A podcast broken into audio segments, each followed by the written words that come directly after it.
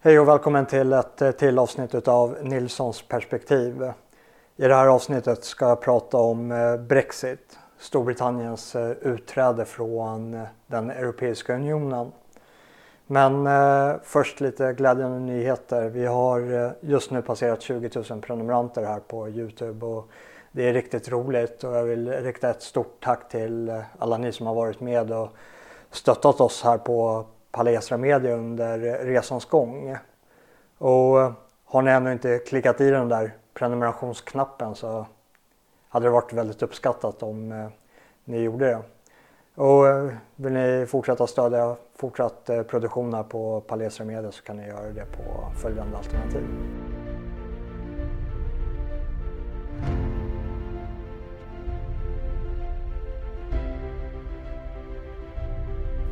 Nu är det äntligen dags för Storbritannien att lämna den Europeiska unionen. Och det har varit en eh, väldigt lång resa för eh, Storbritannien. Det gick med i eh, EEG, den Europeiska ekonomiska gemenskapen, 1973. Och det gick med under förevändningen att få ett fördjupat handelssamarbete utan övrig politisk inriktning. Och det gick definitivt inte med för att underkasta sig någon form av eh, överstatlighet. Men eh, likt alla andra medlemsländer så fick det inte vad det gick med i. Utan eh, samarbetet inom EEG utvecklades till vad som nu blev EU, den Europeiska unionen med allt mer byråkrati och politiska befogenheter och den här överstatligheten vi ser nu idag. Storbritannien gick med ett eh, mellanstatligt samarbete mellan självständiga nationer och det lämnar nu vad som man mer och mer kan börja beskriva som en federation. Och den här eh, centraliseringen av makten är ett påtagligt hot mot det som önskar ett eh, Europa bestående av suveräna och självständiga nationer som har en rätt att bestämma själv om eh, sin egen politik. Vi har idag en lagstiftning inom eh, EU och eh, vi har en EU-domstol som kan ställa sig över den nationella rätten. Och EU är på väg att få beskattningsrätt och det håller också på att sätta upp en egen militär under EUs flagg. Och allt det här är tydliga tecken mot ett mer federalt system där medlemsländerna alltmer måste underkasta sig en centralmakt. Där eh, vissa politiska beslut och policy ska påtvingas eh, medlemsländerna.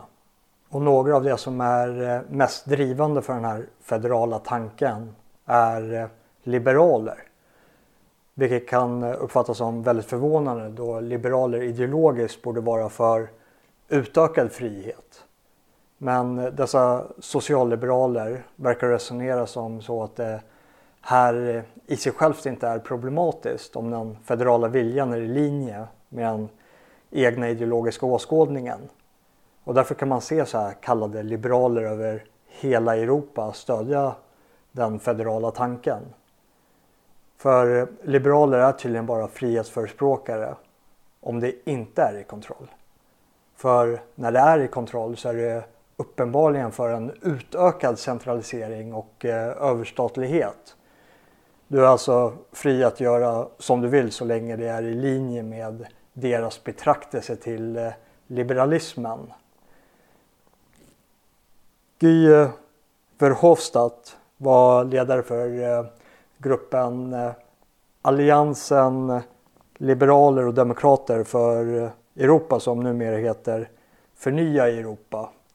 De arbetar aktivt för en utökad överstatlighet och i gruppen ingår det svenska Liberalerna och eh, Centerpartiet. Och Verhofstadts gensvar på Brexit är att unionen inte bör tillåta medlemsländer att lämna.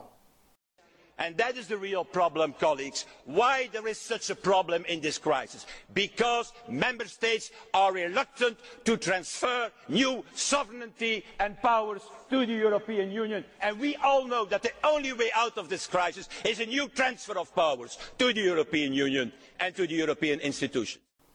Att inte få lämna, så talar inte en man som förespråkar frihet Utan det här påminner mer om Sovjetmentaliteten att med tvång tvinga kvar länder i den egna unionen.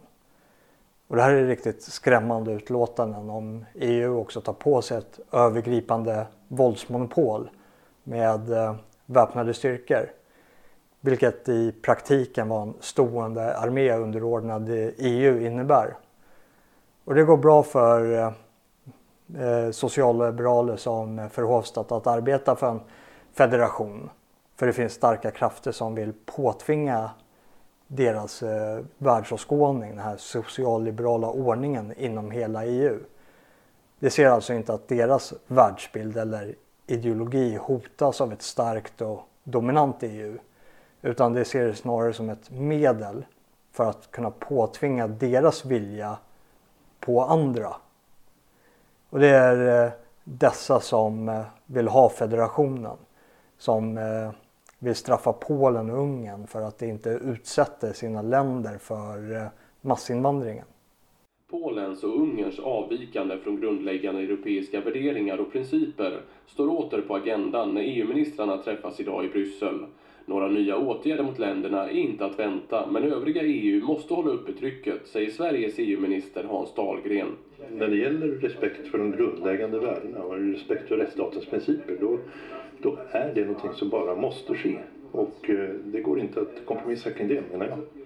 Frans Timmermans, EU-kommissionens första vice ordförande som ansvarar för rättsstat och värderingar, konstaterade inför dagens möte att inte mycket har förändrats till det bättre i länderna. Sadly, not much has changed and some things even have worsened.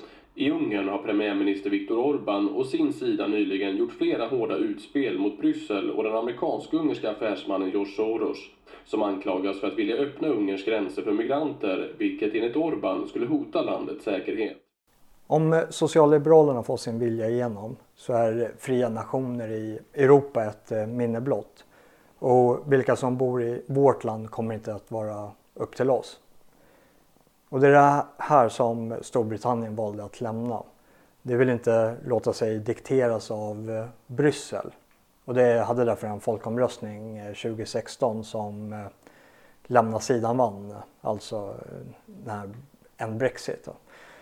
Och reaktionen från makteliten är densamma som alltid om människor röstar fel. Att de vill åsidosätta folkviljan för att få sin egen vilja igenom med andra metoder än den som återfinns inom folkomröstningens legitimitet. Starka krafter har också arbetat hårt för att inte Brexit ska hända och det har krävt eh, bland annat en ny folkomröstning. Och det här är inget nytt från federalisterna inom EU att ignorera folkviljan hos sina medlemsländer. 2005 hade Frankrike en folkomröstning om att godkänna EUs eh, nya konstitution och det röstade nej, likt Brexit. Men etablissemanget frångick folkomröstningen genom att bara paketera om samma konstitution i Lissabonfördraget som eh, sen godkändes 2009 utan folkomröstning.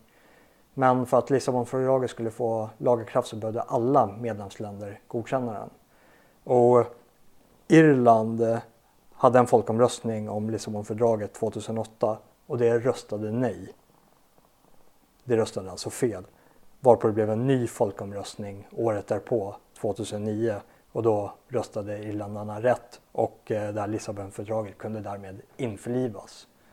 Irland var också det enda medlemslandet som hade en folkomröstning om fördraget. Folkomröstningen är helt enkelt inte så populära när eh, folkviljan riskerar att gå emot etablissemangsviljan. Vilket eh, också är anledningen till att vi i Sverige inte har folkomröstat mer om EU sedan vi röstade emot euron 2003. Våra makthavare godkände istället Lissabonfördraget utan folkomröstning och det passade också samtidigt på att skriva in EU-medlemskapet in i vår grundlag utan någon som helst större offentlig debatt. Vi har inte folkomröstat om eh, vare sig EU eller massinvandringen eller mångkulturen på grund utav att det eventuella resultatet skrämmer maktbasen. Då resultatet av en sådan omröstning skulle riskera att visa att det saknar legitimiteten för den förda politiken och att det därmed också blir påtagligt att vi har väldigt allvarliga problem med vår representativa demokrati. Då det blir uppenbart att våra makthavare inte företräder folket. Det hela skulle påvisa en väldigt problematisk dissonans där begreppet demokrati skulle klinga falskt gentemot eh, etablissemanget.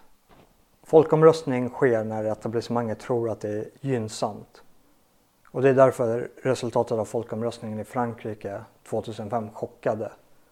För etablissemanget trodde att det hade det folkliga stödet. Och det är därför också vi inte har sett någon folkomröstning i Frankrike sedan dess. Och på samma sätt var det med Brexit. Det kom som en chock för etablissemanget. Det hade aldrig väntat sig att lämna-sidan skulle kunna vinna så därför kunde det rösta om det. Och när resultatet kom så höjdes röster för en till omröstning. Och det försökte kringgå folkomröstningen genom eh, argumentation över att folk hade ångrat sig att folk inte gick och röstade för att de var så säkra på att vara kvar-sidan eh, skulle vinna. Och EU-federalister började sedan hota Storbritannien med att stänga dem ute från den europeiska fria marknaden för att därmed tvinga kvar dem i unionen. Och jag tycker att det här är en väldigt märklig argumentation då samma federalister menar på att EU är ett fredsprojekt som säkerställer att våra nationer inte krigar med varandra för att vi har ett ömsesidigt ekonomiskt beroende till varandra genom de här handelsavtalen med mera. Och att då hota med sådana här saker om någon vill lämna unionen tycker jag blir väldigt märkligt. För Storbritannien lämnar inte på grund av eh, handeln eller handelsavtalen utan de lämnar på grund av den politiska överstatligheten. Men dessa federalister menar på att man inte ska kunna plocka russinen ur kakan ur det europeiska samarbetet utan du får goda handelsavtal och en god ekonomi men du måste också underkasta dig en politik som inte är gynnsam för ditt land. Och det här är ett ganska katastrofalt samarbetsavtal som ingås. Det är lite som att sälja sin själ för pengar. Och spiken i kistan blev för Remainers när Boris Johnson vann valet 2019 och blev landets premiärminister. Han kände av opinionen och gick till val på att genomföra den här brexiten och vann stort i valet mot Corbyn som gick till val med löfte om en ny folkomröstning. Men eh, om vi ska tillskriva någon enskild politiker till det här politiska förverkligandet av att lämna så är det Nigel Farage som väldigt framgångsrikt har drivit den här frågan och kan vara upphovsmannen till att de ens fick igenom den första folkomröstningen. Och nu fick han mot alla odds ge sitt sista avskedstal i EU-parlamentet. Men han tilläts inte ens att avsluta sitt sista tal för talmannen avbryter för att eh, han viftar den brittiska flaggan. I know you want to ban our national flags, but we're going to wave you goodbye and we'll look forward in the future to working with you as sovereign. If you disobey the rules, you get cut off. Could we please remove the flags? Att ha sin nationsflagga och visa vilka det är man representerar strider mot reglerna inom EU. Vilket om något påvisar att när du pratar om mångfald så är det inte intresserad av den europeiska mångfalden. EU är inte intresserad av att bevara de unika kulturerna och nationerna som gemensamt utgör ett Europa. Utan den här regeln med flaggan är en viktig symbolik till federationstanken. Och det är dessa federalisters önskan att parlamentariker inte öppet ska visa sin lojalitet till sina egna nationer utan man ska betrakta sig som europé framför att till exempel vara svensk. Eller ja, i det här fallet då engelsman. Och eh, Farage gav uttryck för sin kärlek till Europa. Men att han samtidigt hatar den överstatlighet som EU har utvecklats till. What do we want from Europe? If we want trade, friendship, cooperation, reciprocity, we don't need a European Commission. We don't need a European court. We don't need these institutions and all of this power. And I can promise you, both in UKIP and indeed in the Brexit Party, we love Europe. We just hate the European Union. It's as simple as that. No more financial contributions. No more European Court of Justice. No more common fisheries policy. No more being talked down to. No more being bullied. Talmannen kände sig nödgad därefter att ge ett eget tal för att bemöta att Farage använde uttrycket hat för att beskriva den känsla han har till den här överstatliga mobbningsinstitutionen som man menar att EU har utvecklats till. Can I just say, if I may say, just in a slight reference, the word hate was used in the last um, contribution. And I really think, given what we listened to prior to this, that we should not hate anyone or any nation or any people. Hon tar alltså avstånd från hat mot folk och nationer, vilket eh, inte ens var det som eh, Farage sa. Han sa att han hatade den här mobbarinstitutionen och talmannen väljer då att eh, ta till mobbarmetoder genom en riktigt elak retorik som eh, tyvärr är alltför vanligt förekommande hos eh, våra etablissemangspolitiker och även den eh, understödjande median som tar de här politikerna i försvar. Det de gör är att de tar någonting som en oppositionell säger. De misstolkar och förvränger det till någonting helt annat och sen bemöter den här egna skapelsen av vad som ska ha sagts. Det det gör är att det skapar en halmgubbe som det bemöter.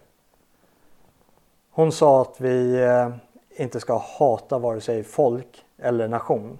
Vilket ironiskt nog är vad EU verkar hata eller åtminstone förakta. Folk och nation, det är tabuord om det handlar om eh, europeiska nationer och europeiska folk. Är det någonting som EU-etablissemanget inte vill så är det just att någon uttrycker kärlek till sitt folk och till sin nation. Tack för att ni har lyssnat och har ni inte redan eh, klickat i prenumerera-knappen så är det väldigt uppskattat om, eh, om ni gör det. Och eh, gå också in på vår eh, hemsida och skriv upp er på vårt eh, nyhetsbrev så kan ni hålla er uppdaterade när vi har eh, olika träffar, konferenser, föreläsningar och dylikt.